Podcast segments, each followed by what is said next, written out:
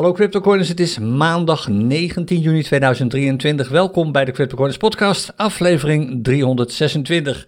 Eerst maar even het rapportcijfer zoals gewoonlijk. Het is nog nooit zo laag geweest. Het is een 1, maar dat is alleen maar voor de moeite, want er is werkelijk geen één punt uit te delen op dit ogenblik. En misschien denk je, als je op de hoogte bent, dat dat wat te maken zou kunnen hebben met datgene wat er met Binance in Nederland aan de hand is. Nee, dat heeft er niks mee te maken. Dit is gewoon een globaal verhaal. En waarom dit precies gebeurt, zie je straks vanzelf als we de charts erbij pakken. We kijken even naar Wall Street, naar gebeurtenissen zoals uh, de conflicten tussen de Amerikaanse waakhond en Binance en Coinbase en Ripple. Kortom, een globaal verhaal. De trend is gewoon niet positief. Het sentiment is niet positief. En daar gaan we zo meteen alles van terugzien. Maar het rapportcijfer is dus niet meer dan een nul. We gaan zo meteen een paar dingen doen. Even wat nieuws van binnenaf. Met name even een soort uh, agenda wat er allemaal gaat gebeuren de komende week wat cryptocoins betreft. Dan wat nieuws van buitenaf en dan even naar de charts. En dat was het dan voor vandaag. Voordat we dat doen, eerst even een shout-out. Die gaat naar Menno. Menno F, die schreef via YouTube. Bedankt. En dat ging naar aanleiding van de speciale livestream uh, die we vorige week vrijdagmiddag hebben gedaan. Over Binance, kom ik zo op terug. Bedankt, zegt Menno F. Ik heb bij jou in 2017 nog een trainingscursus gevolgd. Met het programma Coinergy. Moet je nagaan, dat is lang geleden. Menno, leuk dat je je even meldt. Wat um, uh, Coinergy betreft, ja, dat gebruik, het bestaat nog steeds het programma, maar ik heb niet het gevoel dat er al te veel gebeurt aan uh, updates en zo, want er zijn nog steeds dingen niet geïmplementeerd die ze in 2019 al aankondigden. Maar misschien leuk om eens een keertje naar te kijken op termijn. Uh, ook de strategie is natuurlijk enigszins aangepast. Maar ik vind het superleuk om te zien dat uh, mensen die al in 2017 bij CryptoCoiners waren, er nog steeds zijn en zich nog steeds melden. En ik geloof dat we volgende maand, ergens begin juli of zo, ik moet de datum even opzoeken, het zesjarig bestaan van CryptoCoiners gaan vieren. CryptoCoiners zelf bestaat al wat langer, maar de eerste openbare video is volgens mij uit juli 2017. Moet je nagaan, zes jaar. Oké, tot zover dat. Bedankt Menno. We gaan even naar wat nieuws van onszelf. Allereerst, uh, waarschijnlijk, ik hoorde dat echt net, vlak voordat de opname van deze podcast begon, vindt er vanmiddag, dus maandag 19 juni, in de loop van de middag, een extra live sessie plaats van Kevan. Als je zeker wilt weten dat je die niet mist, zijn er een paar dingen die je wilt doen. Allereerst, als je nog niet geabonneerd bent op het YouTube-kanaal van CryptoCoiners, abonneer je en druk op dat belletje. Dan krijg je een melding van YouTube. Je kunt ook even de nieuws, uh, het nieuwskanaal op Telegram in de gaten houden. Het CryptoCoiners nieuwskanaal, www.cryptocoiners.nl slash chat. Dan lees je er alles over. Dan komt er vanmiddag, in de loop van de middag, voor onze patrons, de mensen die ons volgen op ons Patreon-platform, een nieuwe aflevering van de Money Professionals podcast. Aanstaande woensdag 21 juni, s'avonds om half acht, ben ik er weer met live trading. Gewoon op Binance met het CryptoCoins, of in het CryptoCoins Café. Aanstaande donderdag wordt ook weer druk, namelijk eerst smiddags, ook weer op Patreon, dus speciaal voor onze patrons. Patrons heette dat trouwens. Om drie uur begint dat, een live trading reviews sessie van Kevan. De eerste keer dat hij dat doet. Uh, hij laat een aantal van zijn eigen trades zien en bespreekt hij met hem niet alleen de techniek van de trade zelf, maar ook de mindset die, die hij had toen hij aan die trades begon en toen hij in die trade zat. Dat is aanstaande donderdag alleen op Patreon vanaf drie uur. En aanstaande donderdagavond het Crypto Corners Clubhuis zoals gewoonlijk ook met Kevan. En we zijn nog niet klaar, want aanstaande zaterdag, 24 juni, maar daar kun je je volgens mij nu niet meer voor inschrijven, is de tweede dag van de live clinic Price Action Trading. Ook met Kevan. Kortom, weer een drukke week. En dit zijn de dingen die gepland staan. Je weet maar nooit wat we er af en toe nog tussendoor doen, zoals live opnames van podcasts, spontane livestreams. Je weet het, het kan, er kan van alles gebeuren. Er is niet zo heel erg veel aan de wereldwijd in cryptoland. Het is relatief stil. Los van het nieuws natuurlijk, maar als je kijkt naar de chartontwikkelingen, dat valt allemaal wel mee nu. Maar dat wil niet zeggen dat wij niet gewoon genoeg mogelijkheden hebben af en toe om toch live weer met je aan de slag te gaan. Dus houd vooral ons uh, Telegram-kanaal in de gaten, daar posten we dit soort dingen als eerste op. Nou, dan even wat nieuws van buitenaf. Niet zo heel veel eigenlijk. Het is eigenlijk hetzelfde als vorige week. Um, ik, ik, praat even niet over Binance, daar kom ik zo meteen wel op terug. Maar met name het nieuws echt wat over de hele wereld gaat. Met name natuurlijk de waakhond, de SEC, de Amerikaanse toezichthouder. Vorige week hebben het al even gemeld. Volgens mij was dat vorige week woensdag in de podcast. Uh, dat die Hinman-documenten eraan komen. Ik weet niet, voor, nee, vorige week donderdag hebben we geen podcast opgenomen. En interessant is dat uh, Ripple, um, de CEO van Ripple met name, een tweet heeft gepost met daarin een video. En in die video laat hij eindelijk voor de eerste keer eens een keertje echt horen wat hij er nou van vindt. En hij zegt gewoon, kijk, uit deze hele Hinman documents, dat zijn dus documenten met daarin conclusies. Het zijn interne documenten, tenminste dat was de bedoeling van de SEC. Die, het zijn documenten van de SEC. Uh, met de bedoeling om die geheim te houden. Uh, met daarin uh, commentaren van de SEC op een speech die de voormalige voorzitter, meneer Hinman, heeft gehouden. En uit die documenten blijkt gewoon dat de SEC puur bezig is met politiek bedrijven. En dat is niet datgene waar ze voor worden betaald. En ze creëren met opzet, en ik citeer nu eh, Brett Garninghouse, de CEO. Ze citeren met opzet, of ze creëren met opzet verwarring als het gaat om regelgeving. En die verwarring is volgens de SEC gewoon nog eens een keertje extra versterkt door flink te gaan handhaven.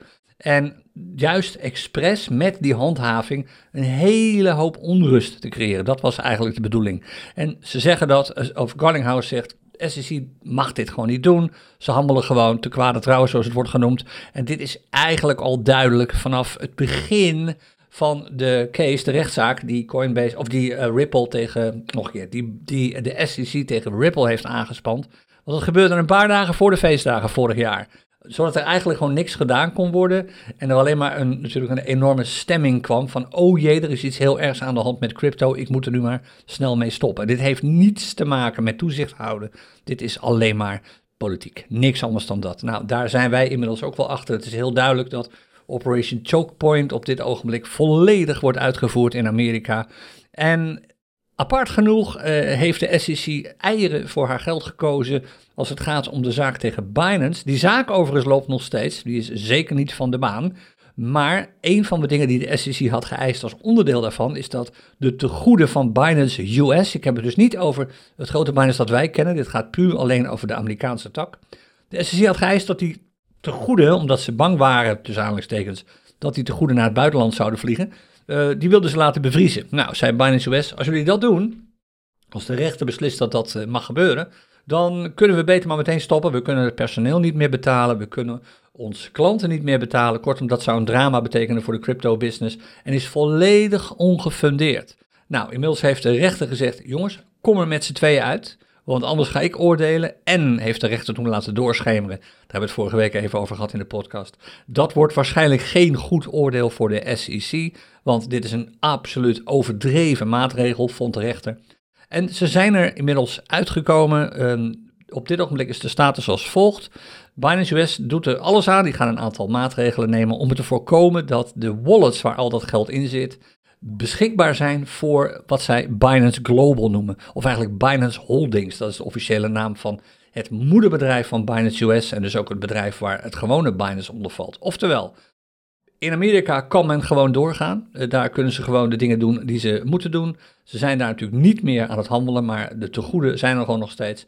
En de rest van Binance heeft daar verder geen toegang meer toe. En dat is eigenlijk datgene wat de SEC wilde, zeggen ze nu. Maar we weten natuurlijk allemaal wat het echte verhaal is. De SEC snapt dat ze misschien wel een klein beetje te ver gegaan zijn. Dat is heel duidelijk. En hier is echt het laatste woord nog niet over gezegd. Er komen meer en meer oproepen en geruchten dat uh, de huidige bestuursvoorzitter van de SEC, meneer Gensler, zou moeten gaan opstappen. En er is zelfs al een wetsvoorstel ingediend waarin dat min of meer staat. Er staat eigenlijk in dat de hele Amerikaanse waakhond moet op zijn gat moet. Heel anders moet worden ingericht. En daar past geen bestuursvoorzitter in zoals er nu is. Want het blijkt gewoon duidelijk dat mensen gewoon verslaafd raken aan die macht. En de macht die ze hebben gaan misbruiken voor allerlei politieke spelletjes. Dus dat even wat de SEC betreft. Dan natuurlijk even naar Binance. En met name even naar Binance Cyprus, want daar begon het mee voor ons. Vorige week kwam er een aankondiging van Binance dat ze stoppen met al hun activiteiten in Cyprus. Dan zou je zeggen, oké, interessant, maar nou, het was een paar dagen voordat er een melding kwam dat ook Binance gaat stoppen met alle activiteiten in Nederland. Als je dit als nieuws, als donderslag bij helder hemel voor je komt, uh, je hebt daar een mail over gehad waarschijnlijk. Afgelopen vrijdag heb ik een speciale livestream gedaan met daarin een samenvatting van het nieuws van Binance, waar verder ja, niks aan toe te voegen valt. De mail spreekt verder voor zich. Maar wat ik ook gedaan heb afgelopen vrijdag is uh, even aangegeven wat het actieplan is. Op twee niveaus. Jouw actieplan, wat het zou kunnen zijn, dat beslis je natuurlijk uiteindelijk helemaal zelf. En ons actieplan. En ik heb duidelijk aangegeven dat wij serieus hiernaar gaan kijken. We willen komen met een oplossing waar de Crypto Corners community blij mee is, of in ieder geval goed mee kan leven. Ik heb ook aangegeven dat dat wat tijd gaat kosten, daar zijn we niet zo mee klaar. En dat kost inderdaad ook nog wat tijd. We hebben van de week de eerste bespreking daarover. Ik heb al een soort plan, maar nogmaals, ik beslis dat niet alleen. Dat ga ik natuurlijk eventjes eh, in het team gooien, zoals het zo mooi heet. Maar ik moet er ook bij zeggen, na afgelopen vrijdag, nadat we die spontane live sessie hebben gedaan, die overigens extreem druk is bezocht.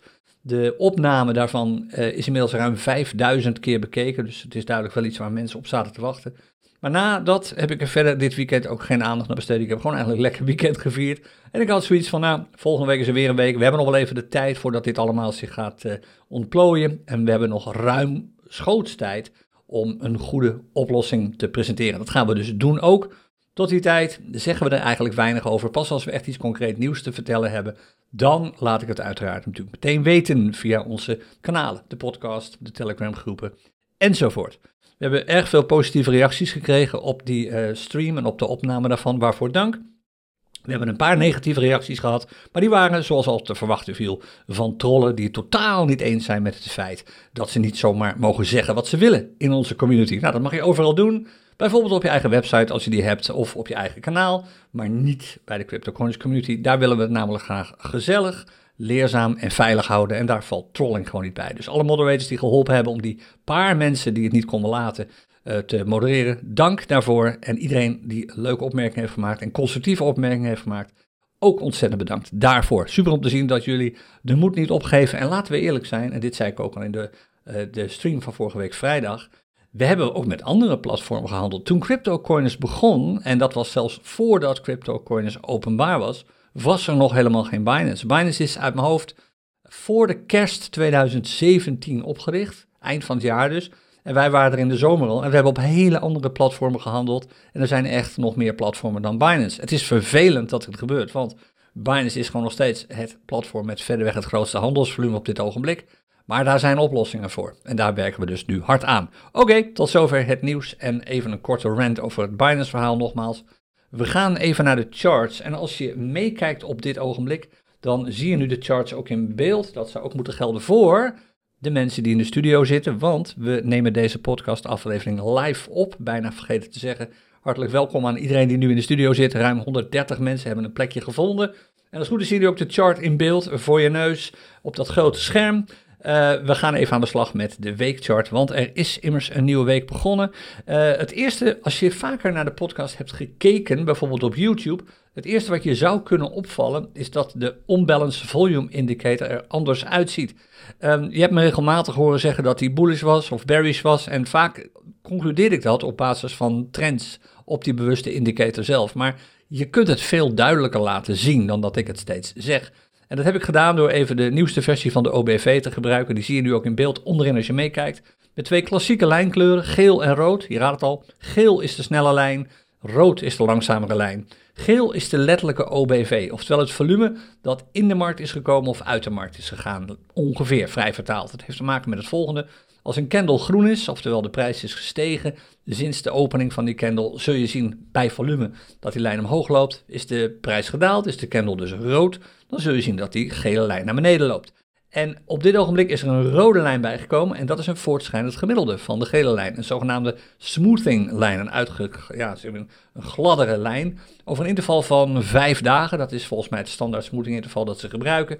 En vanaf nu, of eigenlijk altijd al, hanteer ik het volgende criterium. Als de gele lijn onder de rode lijn staat, is de trend bearish. Als hij erboven staat, is de trend bullish. Op dit ogenblik twijfelgevalletje. Hij loopt er net overheen. Dat betekent dat de trend volgens de OBV gewoon nog steeds bearish is. Hij moet er echt doorheen breken. En dan kun je zeggen, omdat die OBV-indicator onderaan op het scherm een voorspellende waarde heeft, dat je te maken hebt met een komende bullish trend. Op dit ogenblik wijst dus nog niets erop dat de trend bullish gaat worden op deze chart. Want verder op de weekchart is de trend gewoon nog steeds bearish. Dat was hij al. Vorige week is hij ook bearish geworden vanwege die parabolic stop and reverse indicator die erboven is gekomen. De trend op dit ogenblik, we zijn nog steeds op weg naar een nieuwe trough. Misschien hebben we hem te pakken afgelopen week. Maar ja, dat dacht ik vorige week ook al. Toen is het niet gebeurd. We zijn nog steeds lager. Het lijkt er nu op dat dit de nieuwe trough is, 24.756 dollar. Maar als de prijs hieronder komt deze week, en niemand weet of dat gaat gebeuren, dan dalen we nog wat verder. Maar hoe dan ook, het dal dat we nu hebben is sowieso al lager dan het vorige dal dat we volgens mij hebben gezien in de week, als ik even hier snel naar kijk, dat zal deze al zijn geweest, de week van 8 eh, mei. Daar zitten we nu al dik onder, oftewel een bearish trend op de weekchart op dit ogenblik. 29 mei, dat was de laatste. Uh, deze is dat. Dit is, eigenlijk is dit de vorige piek geweest die we hebben gehad. Nu op weg zijn, of zijn we op weg, ook al lager dan de vorige. Nu zijn we op weg naar een nieuw dal. Dat is ook alweer lager is dan het vorige. Kortom, we hebben een bearish trend op de weekchart. Niks nieuws. Eén ding is interessant, dat is die MA200. Om nog even te noemen. Kijk, die MA200-lijn, dat is die rode lijn als je meekijkt. Dat is een voortschrijdend gemiddelde. Dat weet je, daar kijken we naar. Dat is net als hier bij die rode lijn bij die OBV. Dan, ja, dan maak je alles een beetje vlakker. Je kijkt een beetje naar het grote plaatje. En de prijs is daar twee weken geleden ondergedoken en ook ondergesloten. Afgelopen week ook nog net, maar echt nog maar net. En het lijkt erop, als de trend die we nu straks op de urenchart gaan zien een beetje doorzet, dat we er misschien deze week wel net boven sluiten. Dat zou gebeuren als de prijs boven de ongeveer 26,6 komt, geloof ik. 26.600. Als de prijs daarboven sluit deze week, dus dit weten we pas volgende week maandag vroeg, dan is dit een bullish signaal, maar de trend blijft voorlopig gewoon bearish. Er is weinig bullish te zien op deze chart op dit ogenblik. Je wilt die prijs boven die MA200 zien sluiten. En je wilt ook dat die gele lijn van de OBV, de gewone OBV-lijn eigenlijk, door, de, door het voortschrijdende gemiddelde heen breekt. Dat zijn de eerste echte bullish signalen die we dan zouden gaan zien. Nou, dan de dagchart. Ziet die er dan beter uit? Het antwoord is niet echt. De trend is bearish op deze chart. De prijs staat ook gewoon nog steeds. Ik heb hem even uitgezet, maar als je de MA50 erbij zet, daar staat de prijs ook onder, zoals je ziet. Kortom, dit is ook niet al te gunstig allemaal. Eh, er is wel iets anders interessants. En ik kan me goed voorstellen dat Kevin hier nog even op terugkomt vanmiddag in zijn livestream. Uh, als hij hem ook ziet, misschien ben ik de enige die hem ziet.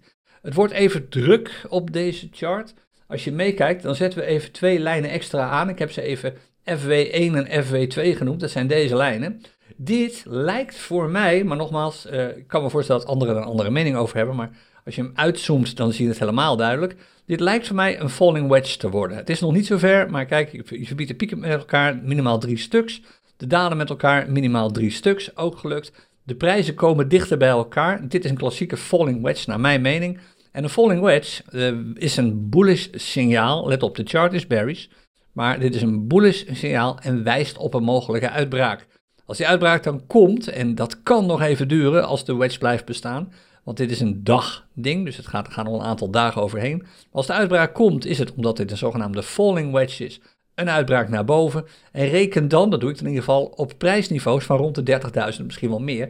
30, 31.000 dollar. De vorige piek die we hebben gezien. Kijk, deze piek hier, deze high op 14 april, inmiddels alweer twee maanden geleden, is, de, is het begin van deze falling wedge. En hier uh, onderin begin je hier aan, als je de dalen erbij pakt, deze, deze, deze. Dat zijn de drie dalen die je nodig hebt om een trendlijn te kunnen tekenen. Het zijn gewoon trendlijnen, niet anders dan dat.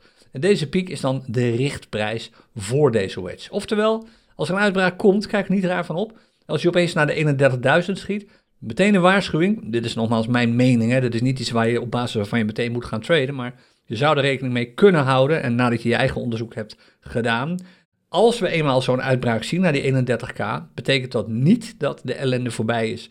Want uitbraak of niet, deze chart is gewoon nog steeds bearish. Lagere pieken, lagere dalen. Het ziet er gewoon allemaal niet zo heel gunstig uit op deze chart. Een paar kleine lichtpuntjes zijn dus die falling wedge die je hier ziet. Die trouwens meteen weer uit zal zetten, want hij leidt eerder af. Zo, daar is hij.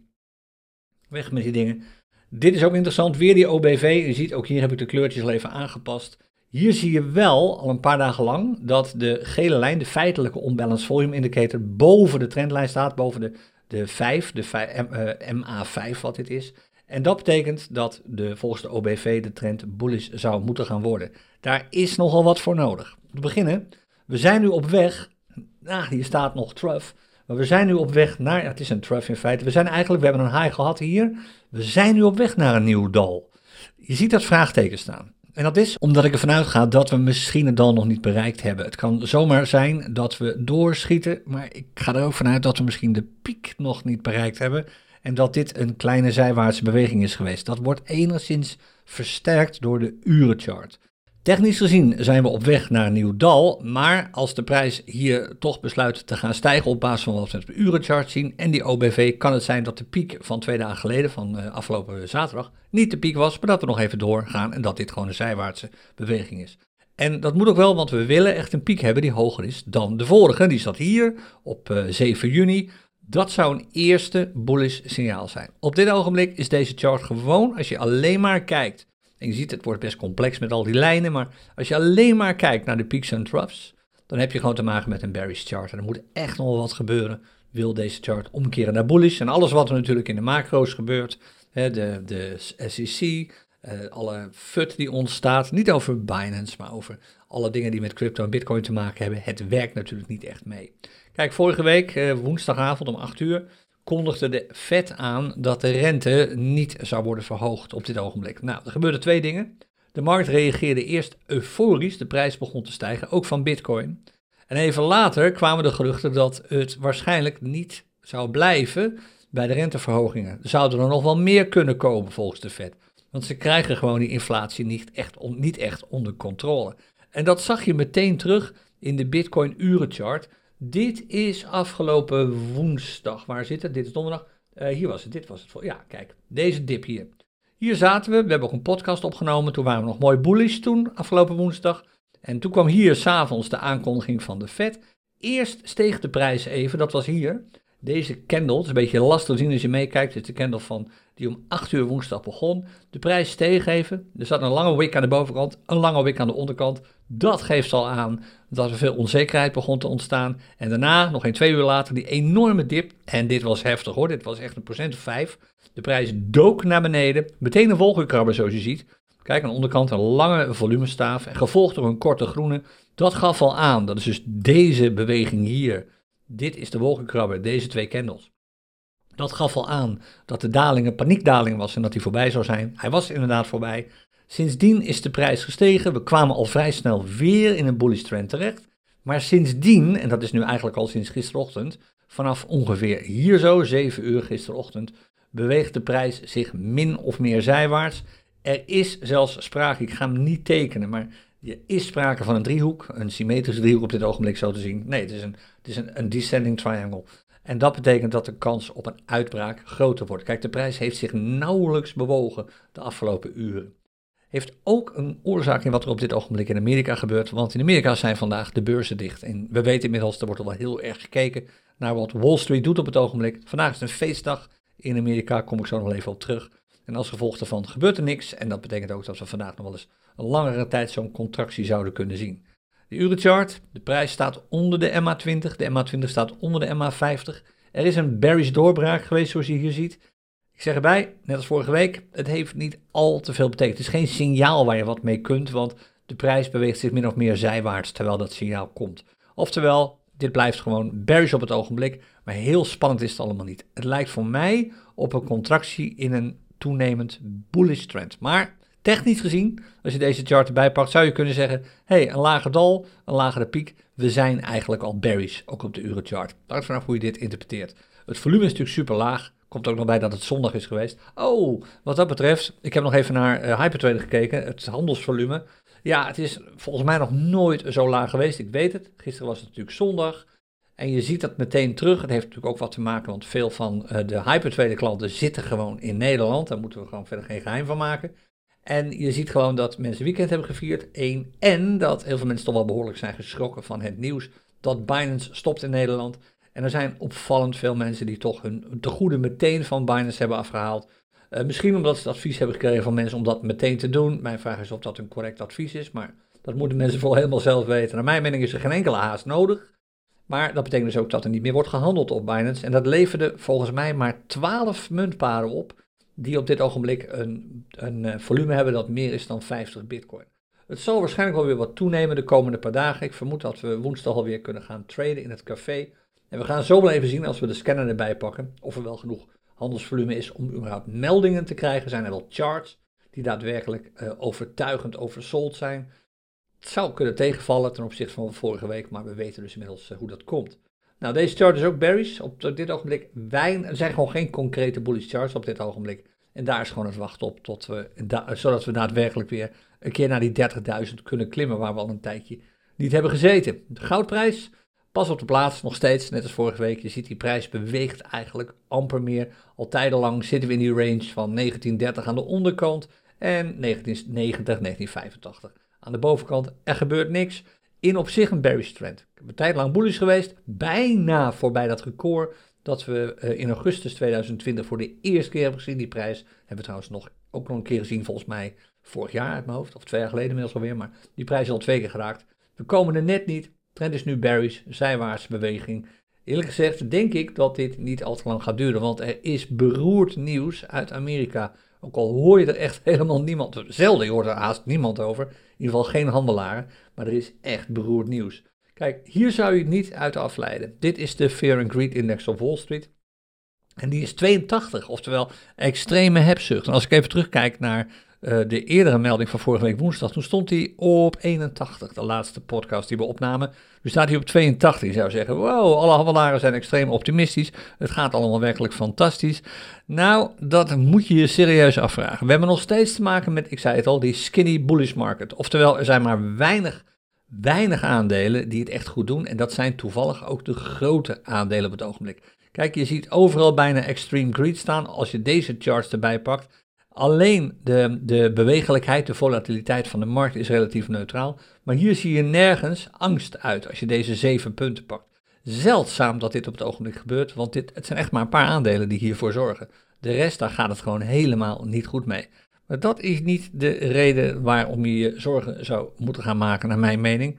Even voor de zekerheid, vandaag zal er weinig gebeuren, want het is vandaag uh, Juneteenth, de, de, de 19e juni elk jaar. Het is een Amerikaanse eh, feestdag. Uh, en dat betekent dat er vandaag gewoon niet gehandeld wordt op Wall Street. En uh, dat betekent dat je dus weinig koersontwikkelingen zult zien daar, hooguit wat futures. Maar er is iets anders aan de hand. Nog helemaal los van die, future, van, uh, van die put-opties waar ik het vorige week over had.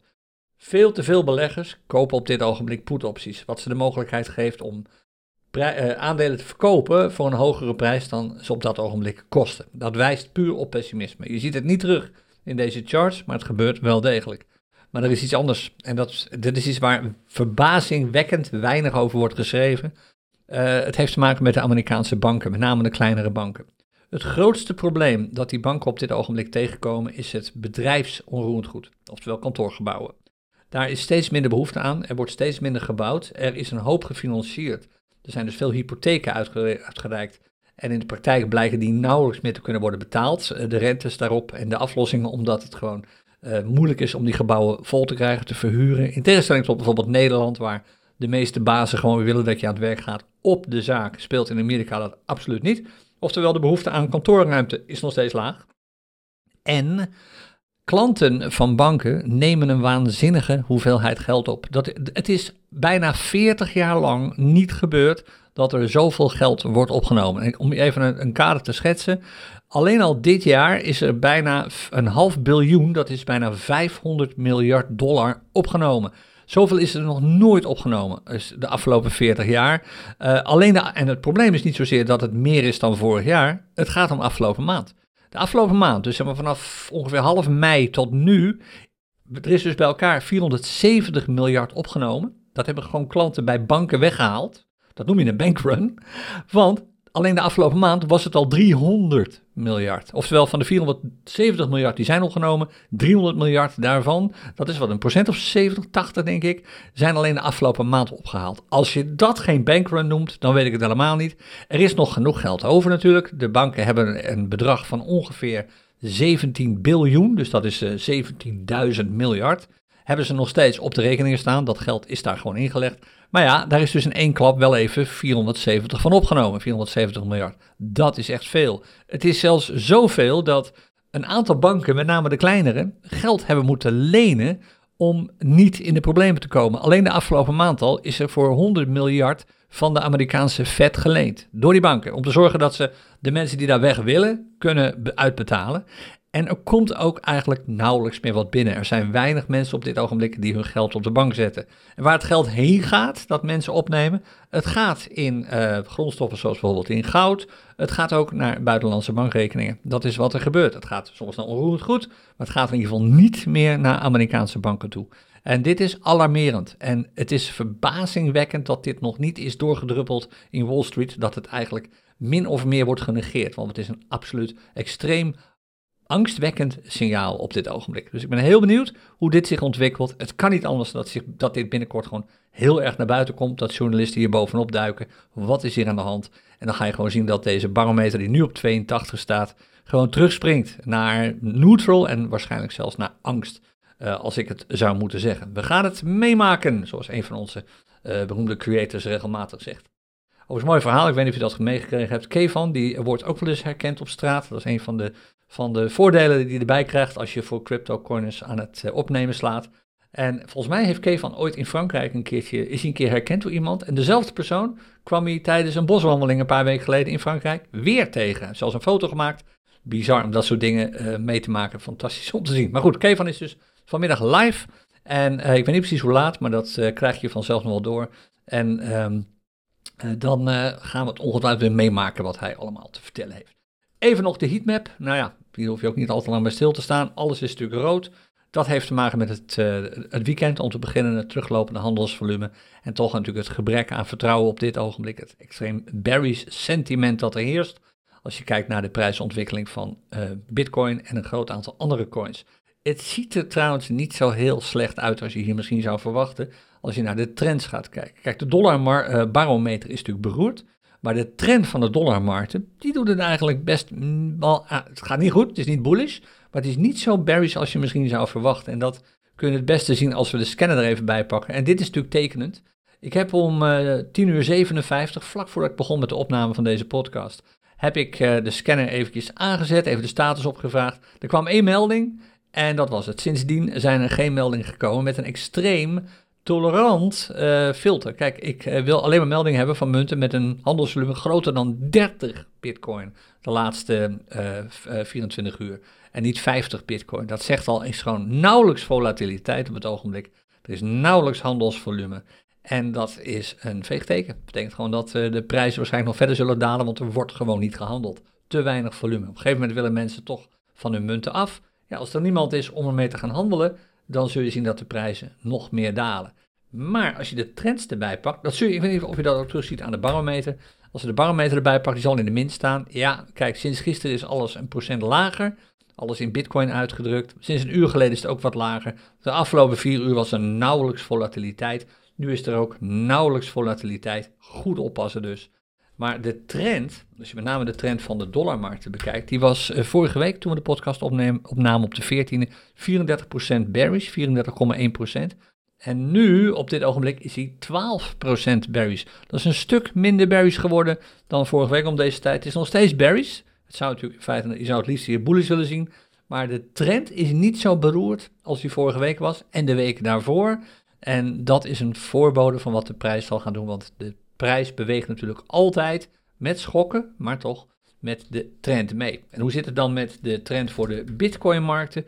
Die was vorige week, die is waarschijnlijk meer bearish geworden. Die was vorige week 31% bearish. En op dit ogenblik is hij, even wachten tot die datum Ja, 36%, bijna 37% bearish. 36,6. Die is wat meer bearish geworden. En dat kun je eigenlijk al terugzien, zelfs naar de prijzen al.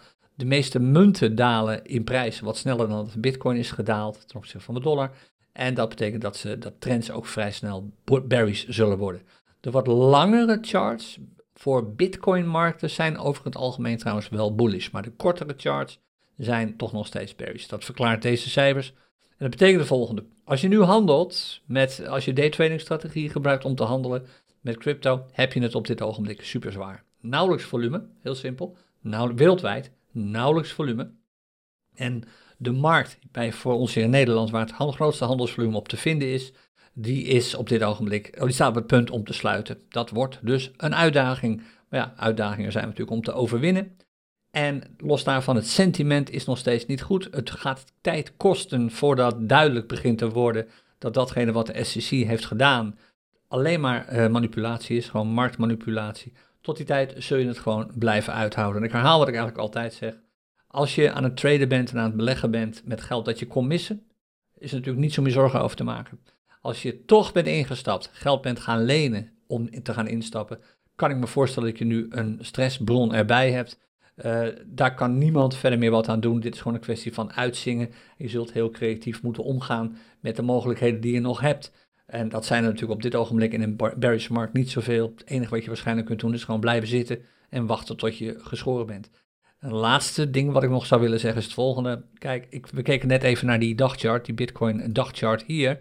En toen hadden we even die falling wedge getekend. Er kan een uitbraak komen. En ik zei het al even, die uitbraak hoeft niet per definitie te betekenen dat de trend blijvend omkeert naar bullish.